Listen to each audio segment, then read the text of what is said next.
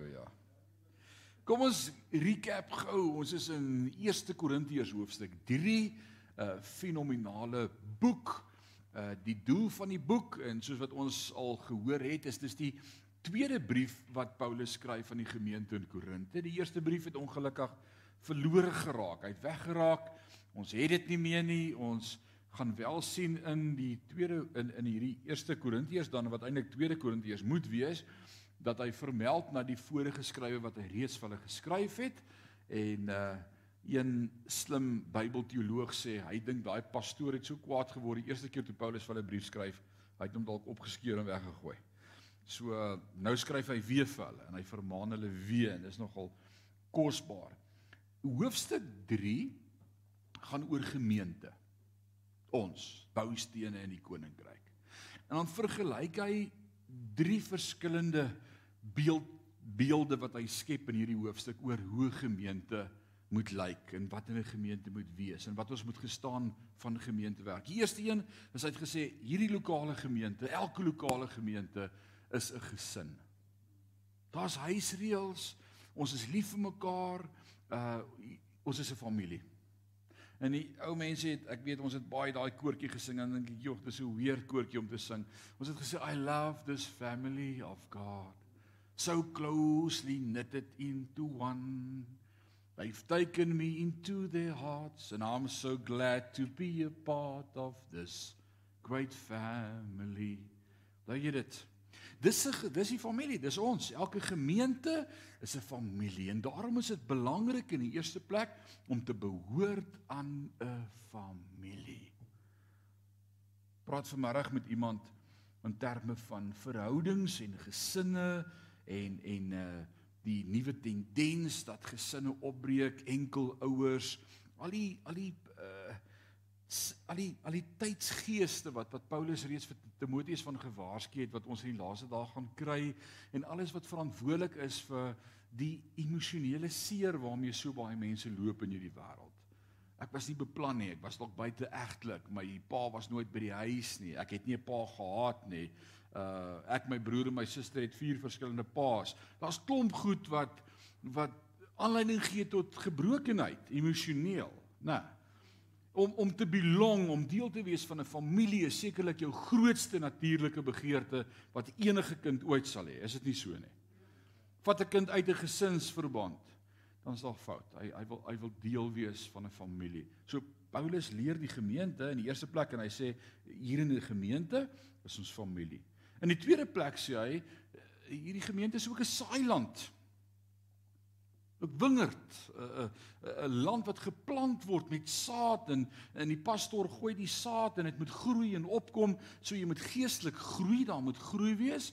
Maar dan deel Moody iets mooi gesê waarom ons laasweek klaar gemaak het. Hy sê nie net moet ons getel kan word nie, maar ook geweeg of nie net geweeg nie, maar ook getel, né?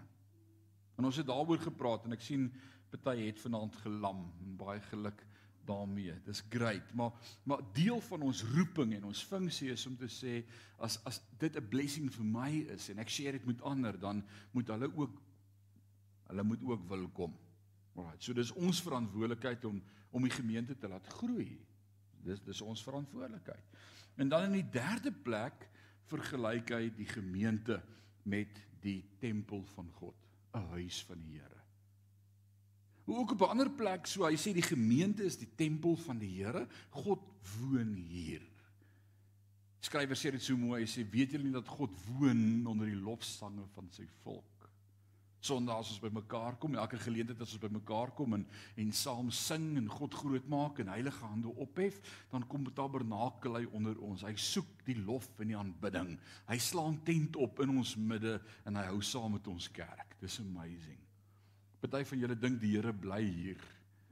As ons hier sluit dan sien niemand nie, hoor, hy bly nie hier vir die week nie. Baie sê dis die huis van die Here. Nee, dis die samekoms van die heiliges. En dan kom God. En ek dink in baie dienste is dit so hartseer om te sê maar ek dink hulle is alleen.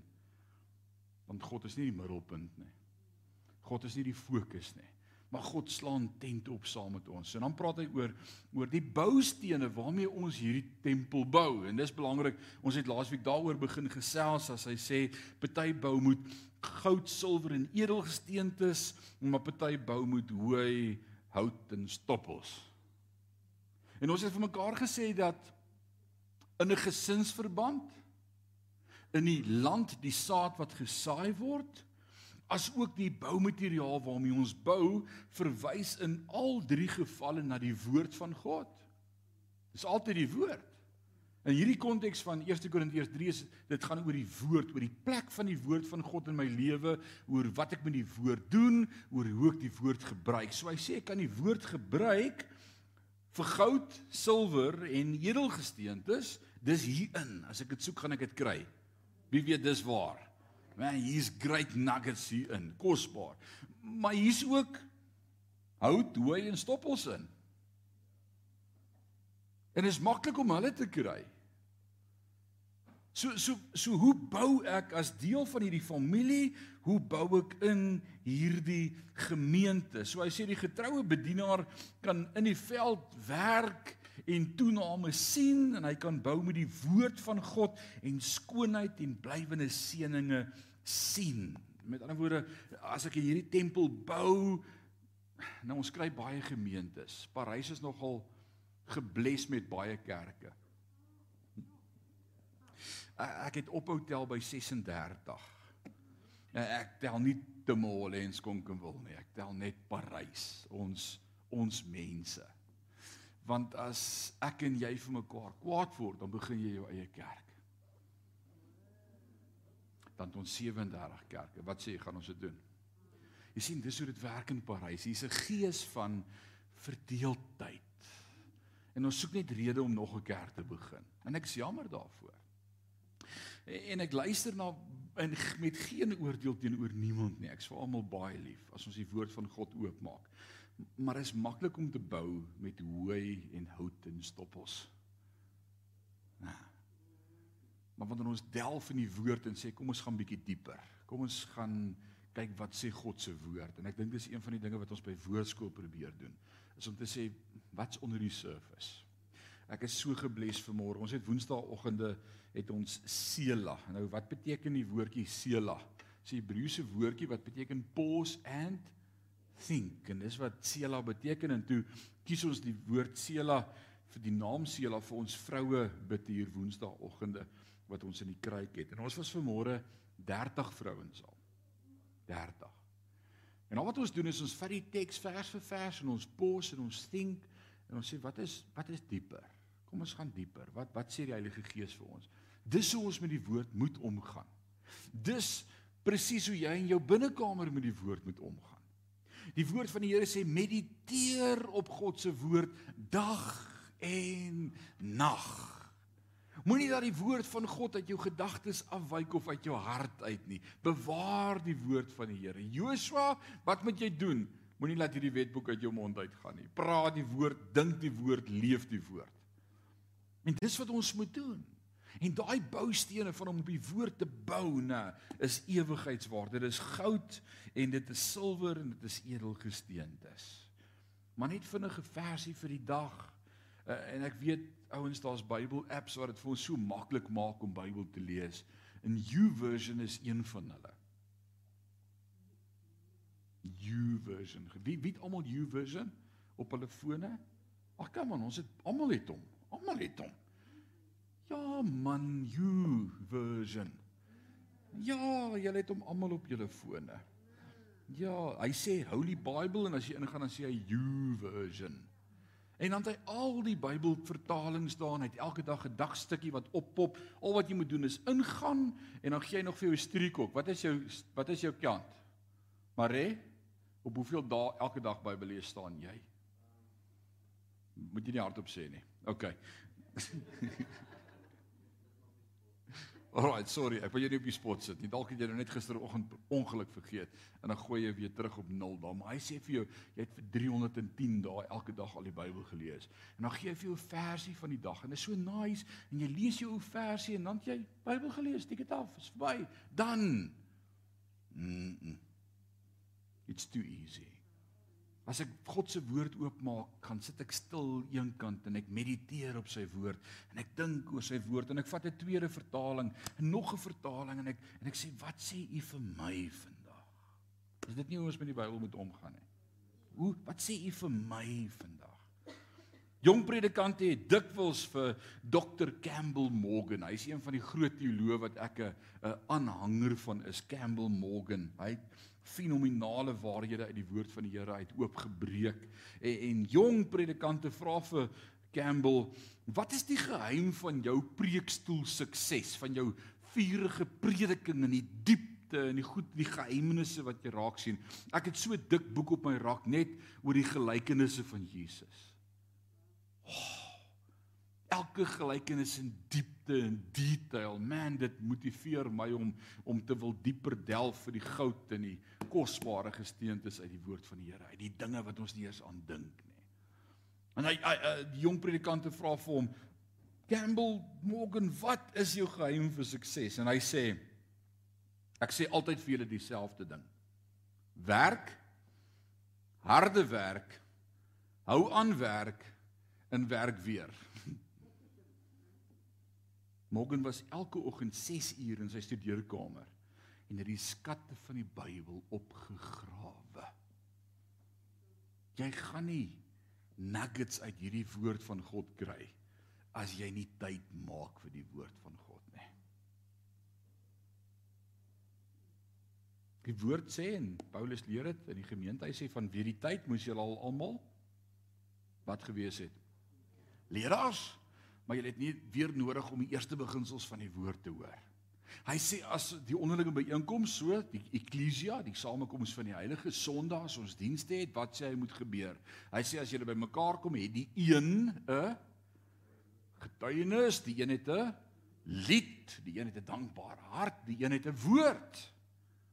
Right. Moet dit elke keer dieselfde een wees wat 'n woord het?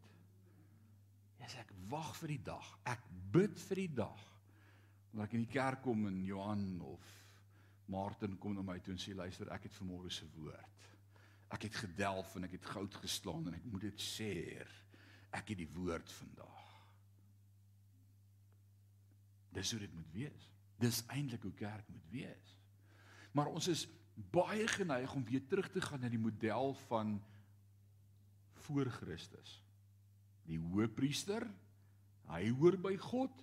Hy praat met die volk Moses, gaan jy na die berg toe? Ons sal hoor wat jy sê, maar ons het nie krag om hierdie berg te klim nie. Gaan klim jy die berg.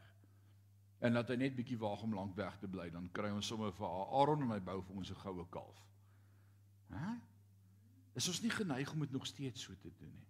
As daar iemand is wat 'n profeet is, dan hardloop ons na die profeet toe. Het jy nie vir ons 'n woord van die Here nie? Wat sê die Here vir ons? Hy wil self met jou praat. Hy wil self vir jou sê wat hy vir jou wil sê. Hy wil uit hierdie woord uit, wil hy die woord vir jou oopmaak en sê my kind, dis wat ek vir jou wil sê. Wow. Dis hoe ons met God se woord moet omgaan. Alraight. So jy kan hout hoor wat sê Campbell Morgan. Hy sê jy kan hout hooi en stoppels in die agterplaas vind. Hm. Maar dit sal nie veel werd wees of moeite wees om op te tel nie. Dis maklik om dit op te tel. Maar as jy goud, silwer en juwele wil hê, moet jy hard daarvoor grawe. Hy sê leipredikers en sonnaskoolonderwysers sal baie hê om eendag voor God se regterstoel voor verantwoording te doen oor die maklike goedjies wat ons gepraat het.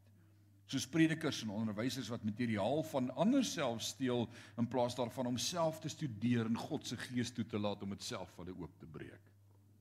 Mm. Jo. Dis hard gesê. Vanaand kom ons dan by derdens. Derdens? Derdens moet ons volgens die regte plan bou. Wie se tempel is dit? God se tempel. Wie is die boustene in hierdie tempel? Ons, maar waarmee bou ons? Goud, silwer, edelgesteentes of ons bou met hooi, stoppels en gras. Ja, en dan sê hy in die derde plek moet ons volgens die regte plan bou. Nou lees saam met my vers 18 en vers 19 en vers 20 van 1 Korintiërs hoofstuk 3 en dan hoor ons wat sê Paulus vir hierdie gemeente in Korinte. Onthou, hulle was 'n moeilike gemeente, moeilike spul mense. Korinte was 'n vreeslike stad gewees. Daar was allerlei losbandigheid en dronkenskap en uh, die tempelprostituie wat sendingwerk op straat gedoen het en die broers verlei het sodat hulle sakke oop gaan vir geld vir die kerk se offergawe. Hulle het horrible maniere gehad om goed te doen, né? En hier kom Paulus in hierdie gemeente en hy het begin deur in die begin vir hulle te sê, "Hey, jy's 'n tempel van God."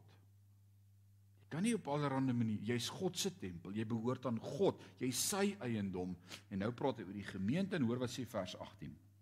Moenie jouself om die bos lei nie. Nou ek werk hier in die nuwe lewende vertaling as jy uh, op 'n ander vertaling het, dit sê presies dieselfde, dit sê dit net op 'n ander manier. Ek gebruik die nuwe lewende vertaling as ook die direkte vertaling wat dit vir my so mooi sê, maar jy kan enige vertaling gebruik. Moenie jouself op die bos lei nie. As jy dink dat jy wys is volgens die standaarde van hierdie wêreld, sal jy eers dwaas moet word sodat jy werklik wys kan word volgens God se standaarde. Dis 'n mondvol. Hoor jy wat sê die woord? Hy sê jy wat dink jy's so clever en so oulik en so nice en so slim, mm, is dwaas by God. Jy moet jouself eers verneder. Humble yourself in the side of the Lord and he will raise you up. Is dit nie die beginsel van die Bybel nie? As iemand sy lewe liefhet, sal hy dit verloor as jy jou lewe aflê ter wille van Christus en sê ek maak nie regtig saak nie. Wat ek weet is nie belangrik nie. Here, al wat ek wil weet is Paulus sê Christus en hom as gekruisigde. En dan sê die Here, dis wys. So dis presies wat hy hier sê. Hy sê as jy dink dat jy wys is volgens die standaarde van hierdie wêreld, sal jy eers dwaas moet word sodat jy werklik wys kan word volgens God se standaarde, want die wysheid van hierdie wêreld is by God dwaasheid. Soos die skrif dit stel, God vang die slimmes met hulle eie slinkse planne. En weer die Here ken die gedagtes van die wyses. Hoe niks seggend hulle is nie. God is nie impres deur wysheid nie. Deur aardse wysheid. Hm, impres hom nie. Niks. Dit kom as 'n skok vir sommige kerklede en kerkleiers dat jy nie 'n plaaslike kerk so kan bestuur met wysheid nie. Ah, planne en idees.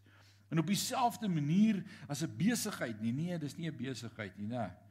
Dit beteken nie dat as ons goeie besigheidsbeginsels moet volg, eh, maar die werking van die gemeente is totaal anders as 'n besigheid. Dit moet ons verstaan. En baie kerke het probeer om kerke te ran soos besigheid, mm, is God se saak, dit werk anderster. Daar is 'n wysheid van hierdie wêreld wat vir die wêreld werk, maar nie vir kerke nie. En dis presies wat Paulus hier sê. Die wêreld is afhanklik van ander stelsels. Hoe werk die wêreld? Bevordering. Aansien. Invloed van geld en belangrike mense. En die kerk is afhanklik van gebed, die krag van die Gees nederigheid, opoffering en diensbaarheid. Dis die goed wat nooit in die sekulêre bedryf vir jou eendag gesuksesvol maak nie. Hulle gaan sê jy's 'n swak besigheidsman. Maar in die kerk is dit die goed wat werk. Dis dom. Dis dom vir die sekulêre bedryf. As jy vir hulle sê, nee man, gebed, dan sê hulle vir jou gebed. Jy moet by die huis bid, hier word gewerk. Is dit nie so nie? Jy kan by die huis bid. Hier werk jy. Die krag van die Gees sê nee wat? Tel dit self op. Jy moet jou eie krag werk. Nederigheid? Nee, jy moet selfversekerd wees. Glo in jouself. Bely jy kan. Positive thinking. Is dit nie hoe die sekulêre bedryf dink nie? Sê ek kan, ek sien man, ek gaan. Stap aan en sê ek gaan 'n deal doen. Ek was bietjie in sales jare terug. Ek weet hoe hulle jou ge indoktrineer en gesê kom jy moet dit glo. Sien daai deal sien die geld sien die dollars. Maak 'n statement. Wees selfverseker. As jy inkom by die ouens en sê hoor ek weet nie of julle hierdie produk regtig wil koop nie. Is nie so 'n goeie produk nie maar kyk maar of julle iets wil hê. Dan sê soos nee ons stel nie iets belang nie. Maar die kerk nou nederigheid wees Hoorie sit jy voor, ek gaan agter sit. Ek is minder as jy. Nou dit werk anderster. Dis dom volgens die wêreld opofferings in diensbaarheid. Dit lyk of die kerk wat die wêreld naboots mettertyd slaag, maar dit sal in die ewigheid tot as verander. Ek het 'n paar goed hier uitgehaal van die eerste kerk en, en hoor gou of dit verander het of jy dink kerk moet anders lyk vandag. Die kerk in die boek Handelinge het geen van die geheime van sukses gehad wat vandag blykbaar belangrik is om te weet nie. Daar was nog nie boeke oor die geheim van sukses nie. Was daar? Nee. Het hulle eiendom besit? Niks. Hulle het alles verkoop en die geld verdeel onder die armes. Hulle het nie eiendom gehad nie. Hulle het geen invloed in die regering gehad nie. Inteendeel Nero wou hulle doodmaak en hy het hulle gejaag. So hulle was nie op speaking terms met die politici nie. Mm. -mm. Hulle het geen skatkis gehad of 'n bankrekening eers nie. Paulus Petrus kom by die by die by die lam man by die tabernakel verby en wat sê hy vir hom? Sal word goud het ons nie. Sorry, chom, ons het nie geld nie.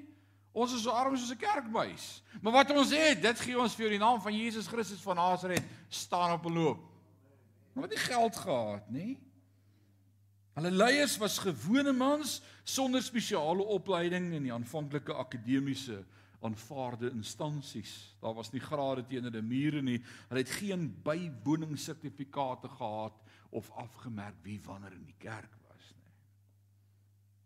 Hulle het geen bekende sprekers gekry om die kerk vol te maak nie. En tog het hierdie kerk die wêreld omgekeer. Ek begin oor die goed dink en ek dink Here, wat maak 'n suksesvolle gemeente? En die Here sê die gees van die Heilige, die Heilige Gees. Die krag van God. Nou jy het daai ou koortjie wat ons gesing het wat sê dit is Jesus. Halleluja. Dis die krag van God in Jesus. God het 'n spesifieke plan vir elke plaaslike gemeente. Het God 'n plan vir hierdie gemeente?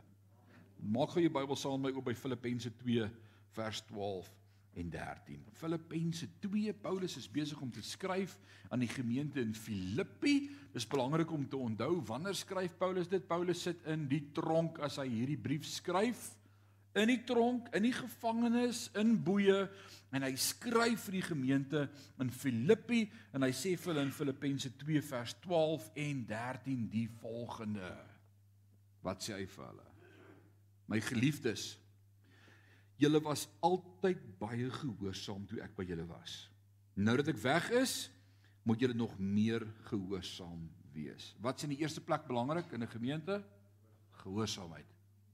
Ek hoor dit, ek doen dit. Hoor en doen. Alraai, wat sê hy volgende?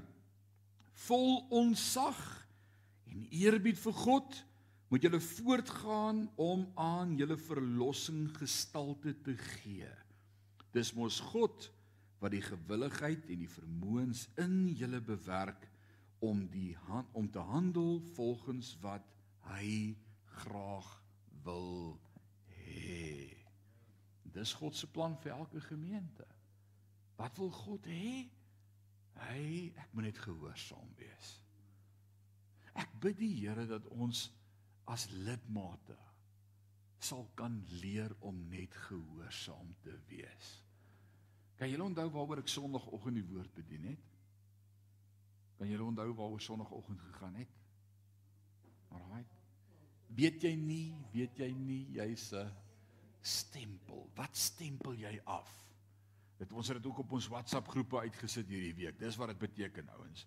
Wat stamp jy op die mense om jou se lewe as hulle verby jou beweeg? As jy en jou vrou in 'n restaurant sit en julle gesels vir 'n uur of twee en julle staan op 'n loop, wat sê die tafel langs aan? Jy gehoor hoe skinder hulle oor die dorp se mense. Jesus, ek is bly ek's nie van hulle vriende nie. Wie's hulle?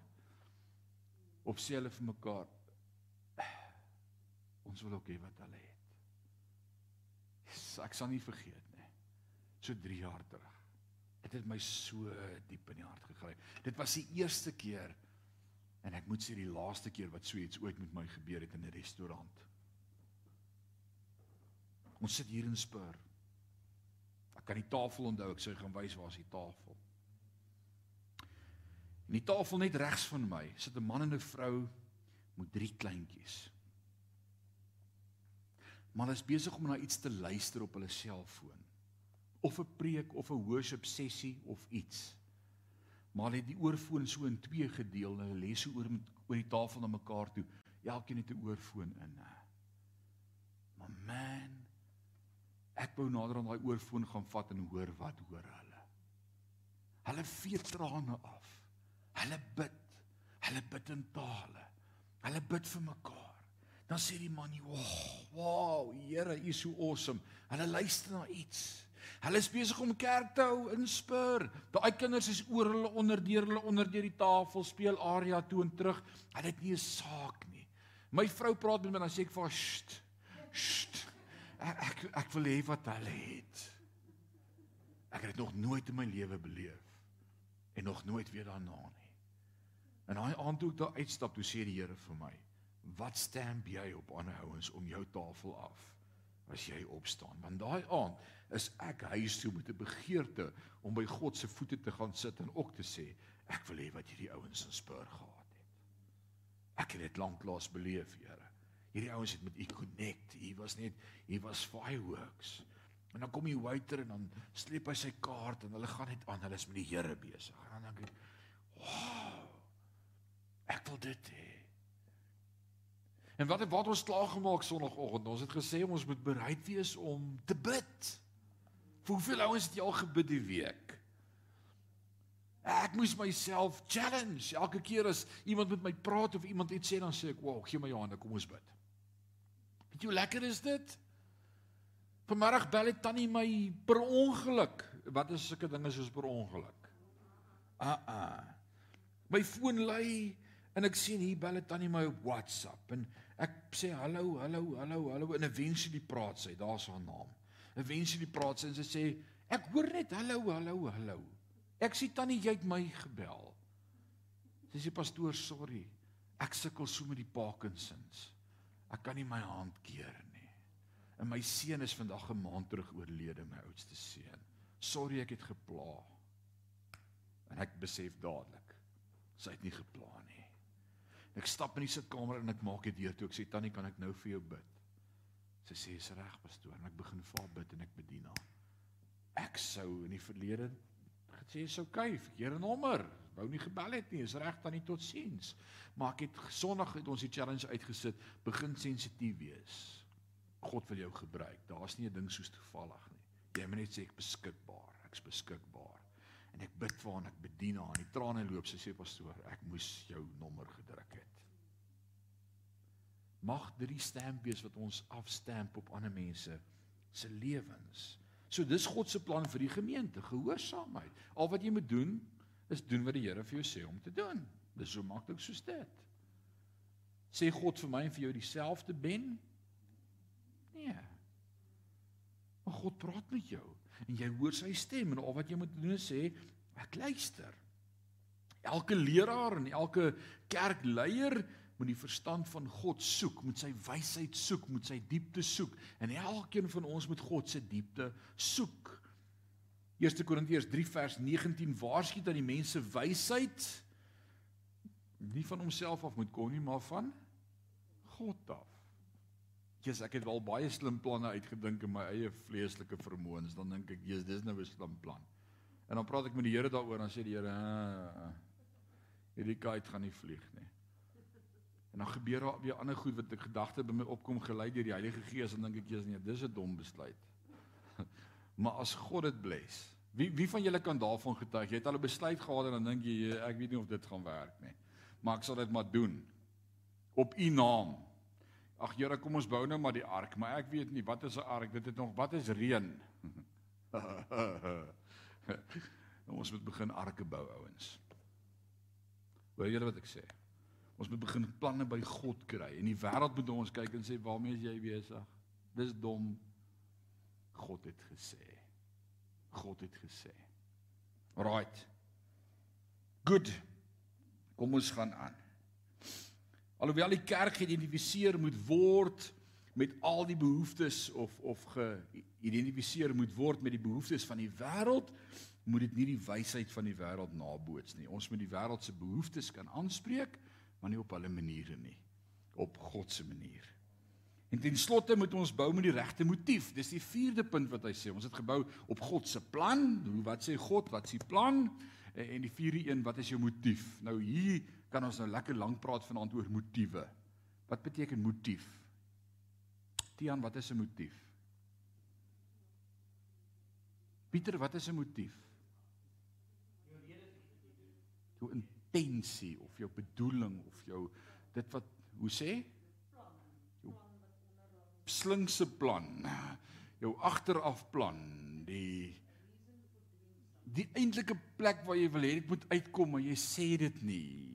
Ons ons steek dit soms weg, ons motiewe, nê.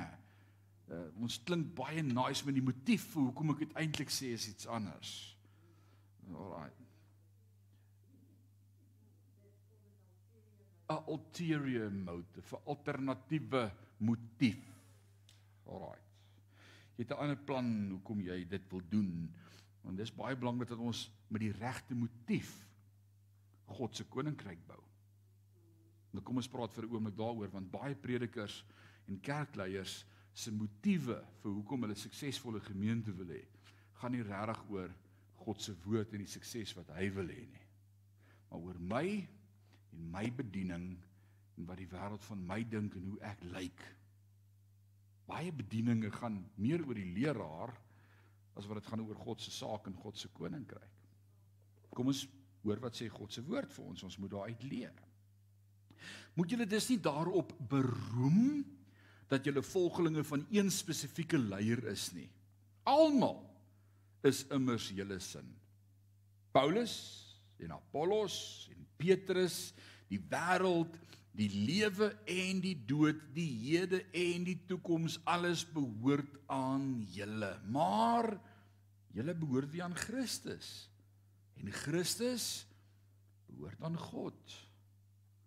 En daardie motief waar volgens hierdie kerk moet bou, moet een ding wees en dis die eer van God. Dis al. Dis al, is die eer van God. Ek was jare terug by 'n bediening betrokke waar die pastoor gedryf was. Hy was geïnspireer ons moet kerk bou. Ons moet kerk bou. Wel great. Ons is gemeente vir 100 lidmate. Maar ons moet kerk bou. Ons moet 'n 1000 sitplek auditorium bou. Die Here het gesê. Nou iets wat ek geleer het in die bediening, as jy sê die Here het gesê, dan maak jy dit moeilik vir mense om met jou te stry want dis die Here het daarom vir hom gesê. Dit klink nice, né, Atti? As jy nou môre by by jou vrou kom en jy sê die Here het vir my gesê. Dan Annelien, dan moet jy Maar dis baie keer manipulasie. Sorry, vergewe my vanaand. Maar baie keer wanneer iemand sê die Here het gesê, is dit maar net manipulasie. Want het die Here regtig gesê? Well, the proof of the pudding is in the eating, né? So ons bou toe die kerk sonder geld. Maar die geld kom in. En dis net grait, daar's geld in die rekening en ons bou en ons gooi fondasie en ons sit 'n ringbeam op en ons bou panele en ons bou kerk en later toe hoor ek die pastoor gaan agteraf na die lidmate toe dan sê hy luister vat 'n verband op jou huis betaal jy dit in die kerk in want as hierdie kerk eers gaan begin groei want die Here het gesê, nee, dan los ons jou verband af. En so leen hy geld by lidmate. En hulle voel maar die Here het gesê, dan moet ek ja, ons maak ons verband tot op nul. Ons trek hom leeg en ons ons gee en die, en die geld kom net in en ons bou kerk. Waar is daai kerk vandag? Nie meer 'n kerk eers nie. Hoorie wat ek sê. Wat is die motief? Ek het 'n kerk gebou. Ja. Ek is niks sodat hy alles in my kan wees. Ek maak nie saak nie. My naam is nie die naam van die bediening nie. Hierdie is God se kerk, is sy koninkryk. Somme net Sion gemeente. Maar wanneer ek myself begin verhef en sê hierdie is nou Rinus bedieninge. En hier's Rinus die baas. En jy moet luister vir Rinus want hy hoor God se stem, dan sal fout. En nou as ek ooit op daai punt kom, moet julle my help en vir my sê luister, gaan vang vis. Bedankie bediening. Bedank net die bediening. Want dit gaan nie meer oor God nie, dit gaan nou oor my. Ekskuus, ek is sommer net opgeklits oor God nie die eer kry vir alles nie. Die lede van die koninkryk en die die lede van die Korintiërs kerk het het in baie mense geroem en dit was verkeerd geweest. Hulle was besig om om mense te vergelyk met mekaar. Doen ons dit ook of doen ons dit nie? Kerkkantoor. Ek wil net weet wie preek Sondag. Ek wil besluit of ek vir kerk toe kom. Ek weet dit gebeur nie in die kerk nie. Hm. Dis dit hoe dit moet werk. Ek worry nie deur wie God wil praat nie. Ek wil sy stem hoor. En weet jy wat ek het baie keer juis nodig om te luister na daai ou wat my irriteer, want dis gewoonlik die rede hoekom hy my irriteer. Dis want hy sê die goed wat nie so lekker sit nie. En dalk het ek juis nodig om dit te hoor. Ek en my pa was lank terug, ons was vir 10 jaar saam in hierdie gemeente en baie keer dan baie keer dan bel hulle dan sê hulle, hoorie, wie preek Sondag? Is dit pastoor Sandy of pastoor Rinus? Want as Rinus preek, kom ek nie, want hy preek 'n uur lank. Great. En dan bel die ander weer dan sê hulle, as pastoor Sandy preek, wil ons nie kom nie, want hy is nie so opgewek nie. En toe sê ek vir my sekretaris, as julle sê wie preek, fire ek julle. Julle sê net julle weet nie. Maar julle seker die Here gaan met ons praat. Dis al wat julle sê. Maar dit gaan nie oor hierdie wie preek, wie bring die woord. Ooh nee, nee, ek sien nie weer kans vir hom vanaand. Nee, nee dit werk nie so nie. Dis God se koninkryk. En dan dis juist wat Paulus hier vir hulle sê, is alles is joune, die wêreld, die lewe, die dood, die dinge van die teenwoordige, die dinge wat kom. Hoe ryk is ons nie in Christus nie, né? Want in Christus behoort alles aan almal. It's amazing. So ek wil vanaand sê en Paulus vermaan ons en hy sê haal jou oë van mense af. As jy dit nie doen nie, gaan hulle jou teleurstel. Gaan hulle jou drop. Want hulle is ook mense met issues en gaan jy by die huis sit en sê ek het seer gekry in die kerk. Die kerk het my seer gemaak. En baie van ons kan dit vanaand sê en baie van ons het seer gekry en baie van ons weet van mense wat by die huis sit wat nie kerk toe kom nie omdat hulle seer gekry het. Hoekom het jy seer gekry? Want jy het mense op 'n pedestal gesit en meer verwag wat hulle sê as wat God sê. As jou opinie van my elke keer gaan wees, okay, Rinus is daarom ook hier. Maar uh, ek wil hoor wat sê die Here. En dit nie oor my gaan nie. Beloof ek jou jy gaan nooit teleurgesteld wees nie. Maar as jy na my gaan kyk, gaan ek jou drop. Want ons is mense. En as jy wil weet of ek foute het, gaan kyk jy in die spieël. Ons het almal foute. Maar in Christus. Man. So so moenie vergelyk nie. Hou jou haal jou oë van mense af en hou jou oë op Christus en werk saam met hom in die bou van die kerk. En Paulus sê julle behoort aan Christus. Dis die belangrikste ding. Attie, jy behoort aan Christus. En geen pastoor wat ooit hier staan kan vir jou iets anders sê as dit nie, want dis die boodskap van die Bybel. En ek het alle dinge in Jesus Christus.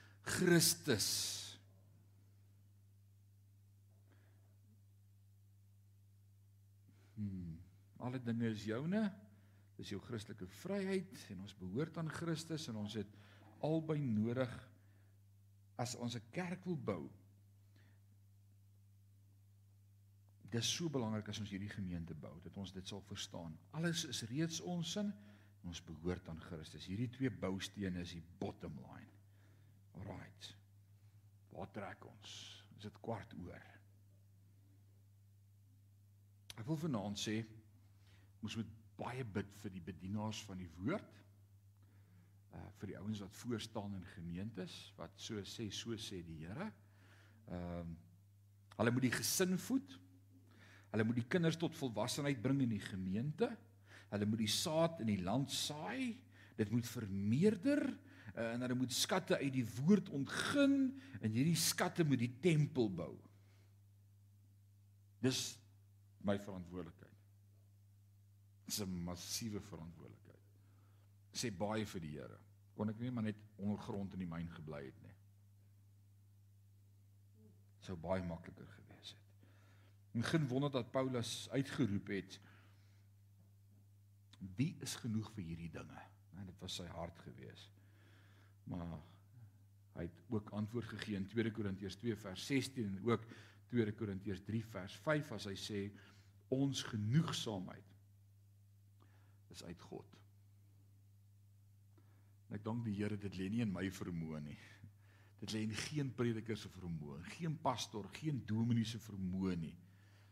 En soms vergeet ons dit gaan alles oor God en wat hy wil hê. Alraight. Kom ons kyk of ons paar verse uit hoofstuk 3 uit kan doen. Kom ons blaai om na hoofstuk 3. Ag, hoofstuk 4 toe. Kyk, dan maak ek al weer 'n fout. Maar nou net nie wegbly volgende week oor ek gesê 3 nie. Ek spot. Hoofstuk 4 vers 1. Dit beteken, kom ons lees so Eerste parakoop 5 verse saam. Dit beteken, so hy gaan aan met hierdie gedagte van gemeente, hoe ons bou, belangrikheid van die bedienaar om om te verstaan hoe pas ek in die gemeente. Hy sê dit beteken dat julle ons moet beskou as blote diensknegte van Christus. Nou raai, dit help jou om te weet hoe moet jy na my kyk. Ek laai vanmiddag vir Christian by die gim op. En die eienaar van die gim loer so uit en hy sê vir my: "Hallo pastoor." En hy's nie in my kerk. En toe Christian in die kar klim, toe sê ek: "Sê jy vir daai oom, my naam is Rinus." En hy moet net vir my Rinus sê, ek is nie sy skaapwagter nie. Hy's nie een van my skape nie. Hoor jy wat ek sê? Want outomaties is ek 'n pedestal. En volgende maand vergeet ek dalk om Christian se ledegeld te betaal en dan sê o, die pastoor het my nie betaal nie. Hoor jy wat ek sê? Of of Martin sê, "Hoe daai pastoor, hy's hier by koepel, nê?" Nee, ek is hy, Paulus sê dit baie mooi. Dit beteken dat jy ons moet beskou as blote diensknegte van Christus. Ja, as mense wat God se diepsienige planne moet help bestuur. Is dit nie mooi gestuur nie? So wat's my funksie in hierdie gemeente? Wat is 'n pastoor se funksie? Tiaan, wat gaan jou funksie eendag wees? Jock, wat's jou funksie? Wat's ons funksies? Om God te help om die diepsienige planne te bestuur. Van bestuurders word verwag dat hulle hulle self as betroubaar sal bewys. Dis belangrik. Wat vir my was ek betroubaar? Paulus vra. Dis vir my werklik nie belangrik hoe julle of enige menslike regsbank my beoordeel nie. Ek vertrou self nie eers my eie oordeel in hierdie opsig nie. My gewete skoon. Maar daarmee is ek nog nie noodwendig skotvry nie. Die Here se oordeel oor my is al wat saak maak. Jy moet dus nie voortydige oordeel vel voordat die Here kom nie. Hy sal sy lig laat skyn op die dinge wat in die donker verborge lê en hy sal die motiewe van ons harte aan die lig bring. Dan sal God aan elkeen die lof gee wat hom of haar toekom. Yes, dis 'n mond vol hierdie vir ouens wat in die bediening wil wees. Dis 'n mond vol. Die 1 Korintiërs 4 vers 1 tot 5 fokus op die ware aard en kenmerke van God se bedienaars. Dit stel die basiese riglyne en standaarde uit een waar volgens predikante en pastore moet bedien en geëvalueer moet word. Dit handel oor wat die gemeente se houding teenoor predikante moet wees en wat die predikante se houding teenoor homself moet wees. Kortom, plaas die bedienaar van God in God se perspektief. En Paulus maak dit duidelik dat gewildheid, persoonlikheid, grade, getalle geen rol speel in God se perspektief nie. en dat hulle geen rol behoort te speel in ons lewe nie. Yes like. Die Here moet ons nederig hou. So belangrik. Ek verstaan nou hoekom hierdie ou mense gebid en gesê Lord you'll keep him humble, we'll keep him poor. Baie kerkrade het dit vir die Here gebid. Hou u hom nederig, ons sal hom arm hou. Nee, ek spot sommer. Baie pastore het voor hulle gepreek het gesê kruisig my. Verberg my agter die ou liewe kruis. As ek preek dat die kruis gesien sal word en nie ek nie. Ek het julle vertel nee, ek het nie ek het dit vanmôre in die vroue woordskool gedeel.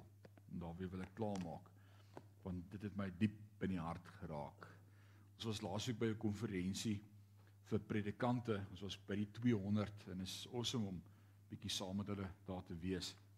En uh, ons het 'n spesiale prediker daar gehad wat met ons kom share het uh rondom bedieninge en en en en en hy's 'n internasionale kanon wat reg oor die wêreld bedien en in al die lande en en is is net awesome. Na 10 minute te besef ek, wow, hierdie ou is daar. Ek wil hom op die pedestal sit. Want toe hy so rukkie begin praat, toe's daar 'n woord wat vir my vreeslik begin. Elke keer as hy dit sê dan tweet my oor so. Dis soos ek sukkel om dit te hoor. Ek dit is 'n moeilike woord. En hy sê dit so 10, 15 keer in 'n sin. En ek ondersoek my hart en ek sê Here, wat is hierdie ding? Wat wat gaan nie aan? My ma het 'n spreekwoord. Sy praat altyd van die ekkigheid. Maak jy die woord ek vreeslik baie in sy sinne gehoor. En toe ek en toe ek en toe ek en toe ek dit toe sê ek vir die ou en toe ek dit sê toe gebeur dit en ek en ek en naderhand toe is my ore so doof van die woord ek dat ek nie die res van die boodskap kon hoor nie. En die Heilige Gees begin met my praat en sê God moet altyd sentraal wees in alles wat jy doen. Nie jy nie. En ek sê sorry Here, ons raak almal soms so. Nou probeer ek attent wees. Ek. Dat dit nooit oor ek sal gaan nie. Maar altyd oor God. Wat sê jy? Ek het niks om te sê nie, maar kom ons hoor wat sê God se woord. Ek het niks om te gee nie maar hy het baie om te gee. Silwer en goud het ek nie. Maar wat ek het is hy in die naam van Jesus Christus van Nasaret staan op en loop. Mense soek nie regtig vir ek nie. Hulle soek God. Mag hulle God kry in ons lewe. Amen. Kom ons bid saam. Here, dankie vir u woord. Die woord wat ons dink en praat oor goed wat ons nooit in 'n kerk oor sou praat nie, want ons moet want dis u woord en eh, en hier by Sion wil ons elke liewe vers in die woord oor praat en oor dink want dit was belangrik genoeg vir u dat dit in die woord opgevang is vir ons met 'n doel. En ons kon vanaand almal leer eh, en ek sit myself vanaand voor u troon en sê Vader mag dit nooit oor die eie ek gaan nie, maar altyd oor u en oor die kruis en oor die ewigheidsplan vir elkeen van ons. Dankie vir elke kosbare lid wat vanaand hier was. Elkeen wat deel is van die familie van Christus en vir elke kind van U en uh, mag Sion 'n plek wees waar ons sal groei en in die gesinsverband as familie dat ons mekaar reg sal lief hê met U liefde. En as land wat geploeg is en gesaai word, mag dit vrugbare grond wees waar ons sal vrug dra en sal groei, maar ook sal vermeerder. En as tempel help ons om te ontdek die kosbare boustene, silwer en goud en edelgesteentes uit die woord, uit dis kosbaar. En die motief van ons hart, U ken ons harte. En die woord sê die mense hart is die bedrieglikste bo alle dinge help ons om altyd God eerste te stel in sy koninkryk. Dis nie ons saak nie, dis u kerk. Dis u mense, dis u werk. en hy's besig met elkeen van ons. Ek wil U vanaand kom dank vir elke lidmaat wat U in Sion voeg, vir elkeen wat deel is van woordskool, vir elkeen wat deel is van hierdie familie. Ek wil bid vir elkeen wat gaan vrug dra en dat die vrug ook sal groei tot uitbouing van die koninkryk. Ek is opgewonde, Vader, oor dit wat U deur ons doen. Aan U al die lof en al die eer en al die aanbidding van ons harte. Is my gebed in Jesus naam en Sion sê amen en Mag die Here jou seën in hierdie week. Mag jy 'n awesome week hê. Gaan in vrede. Amen.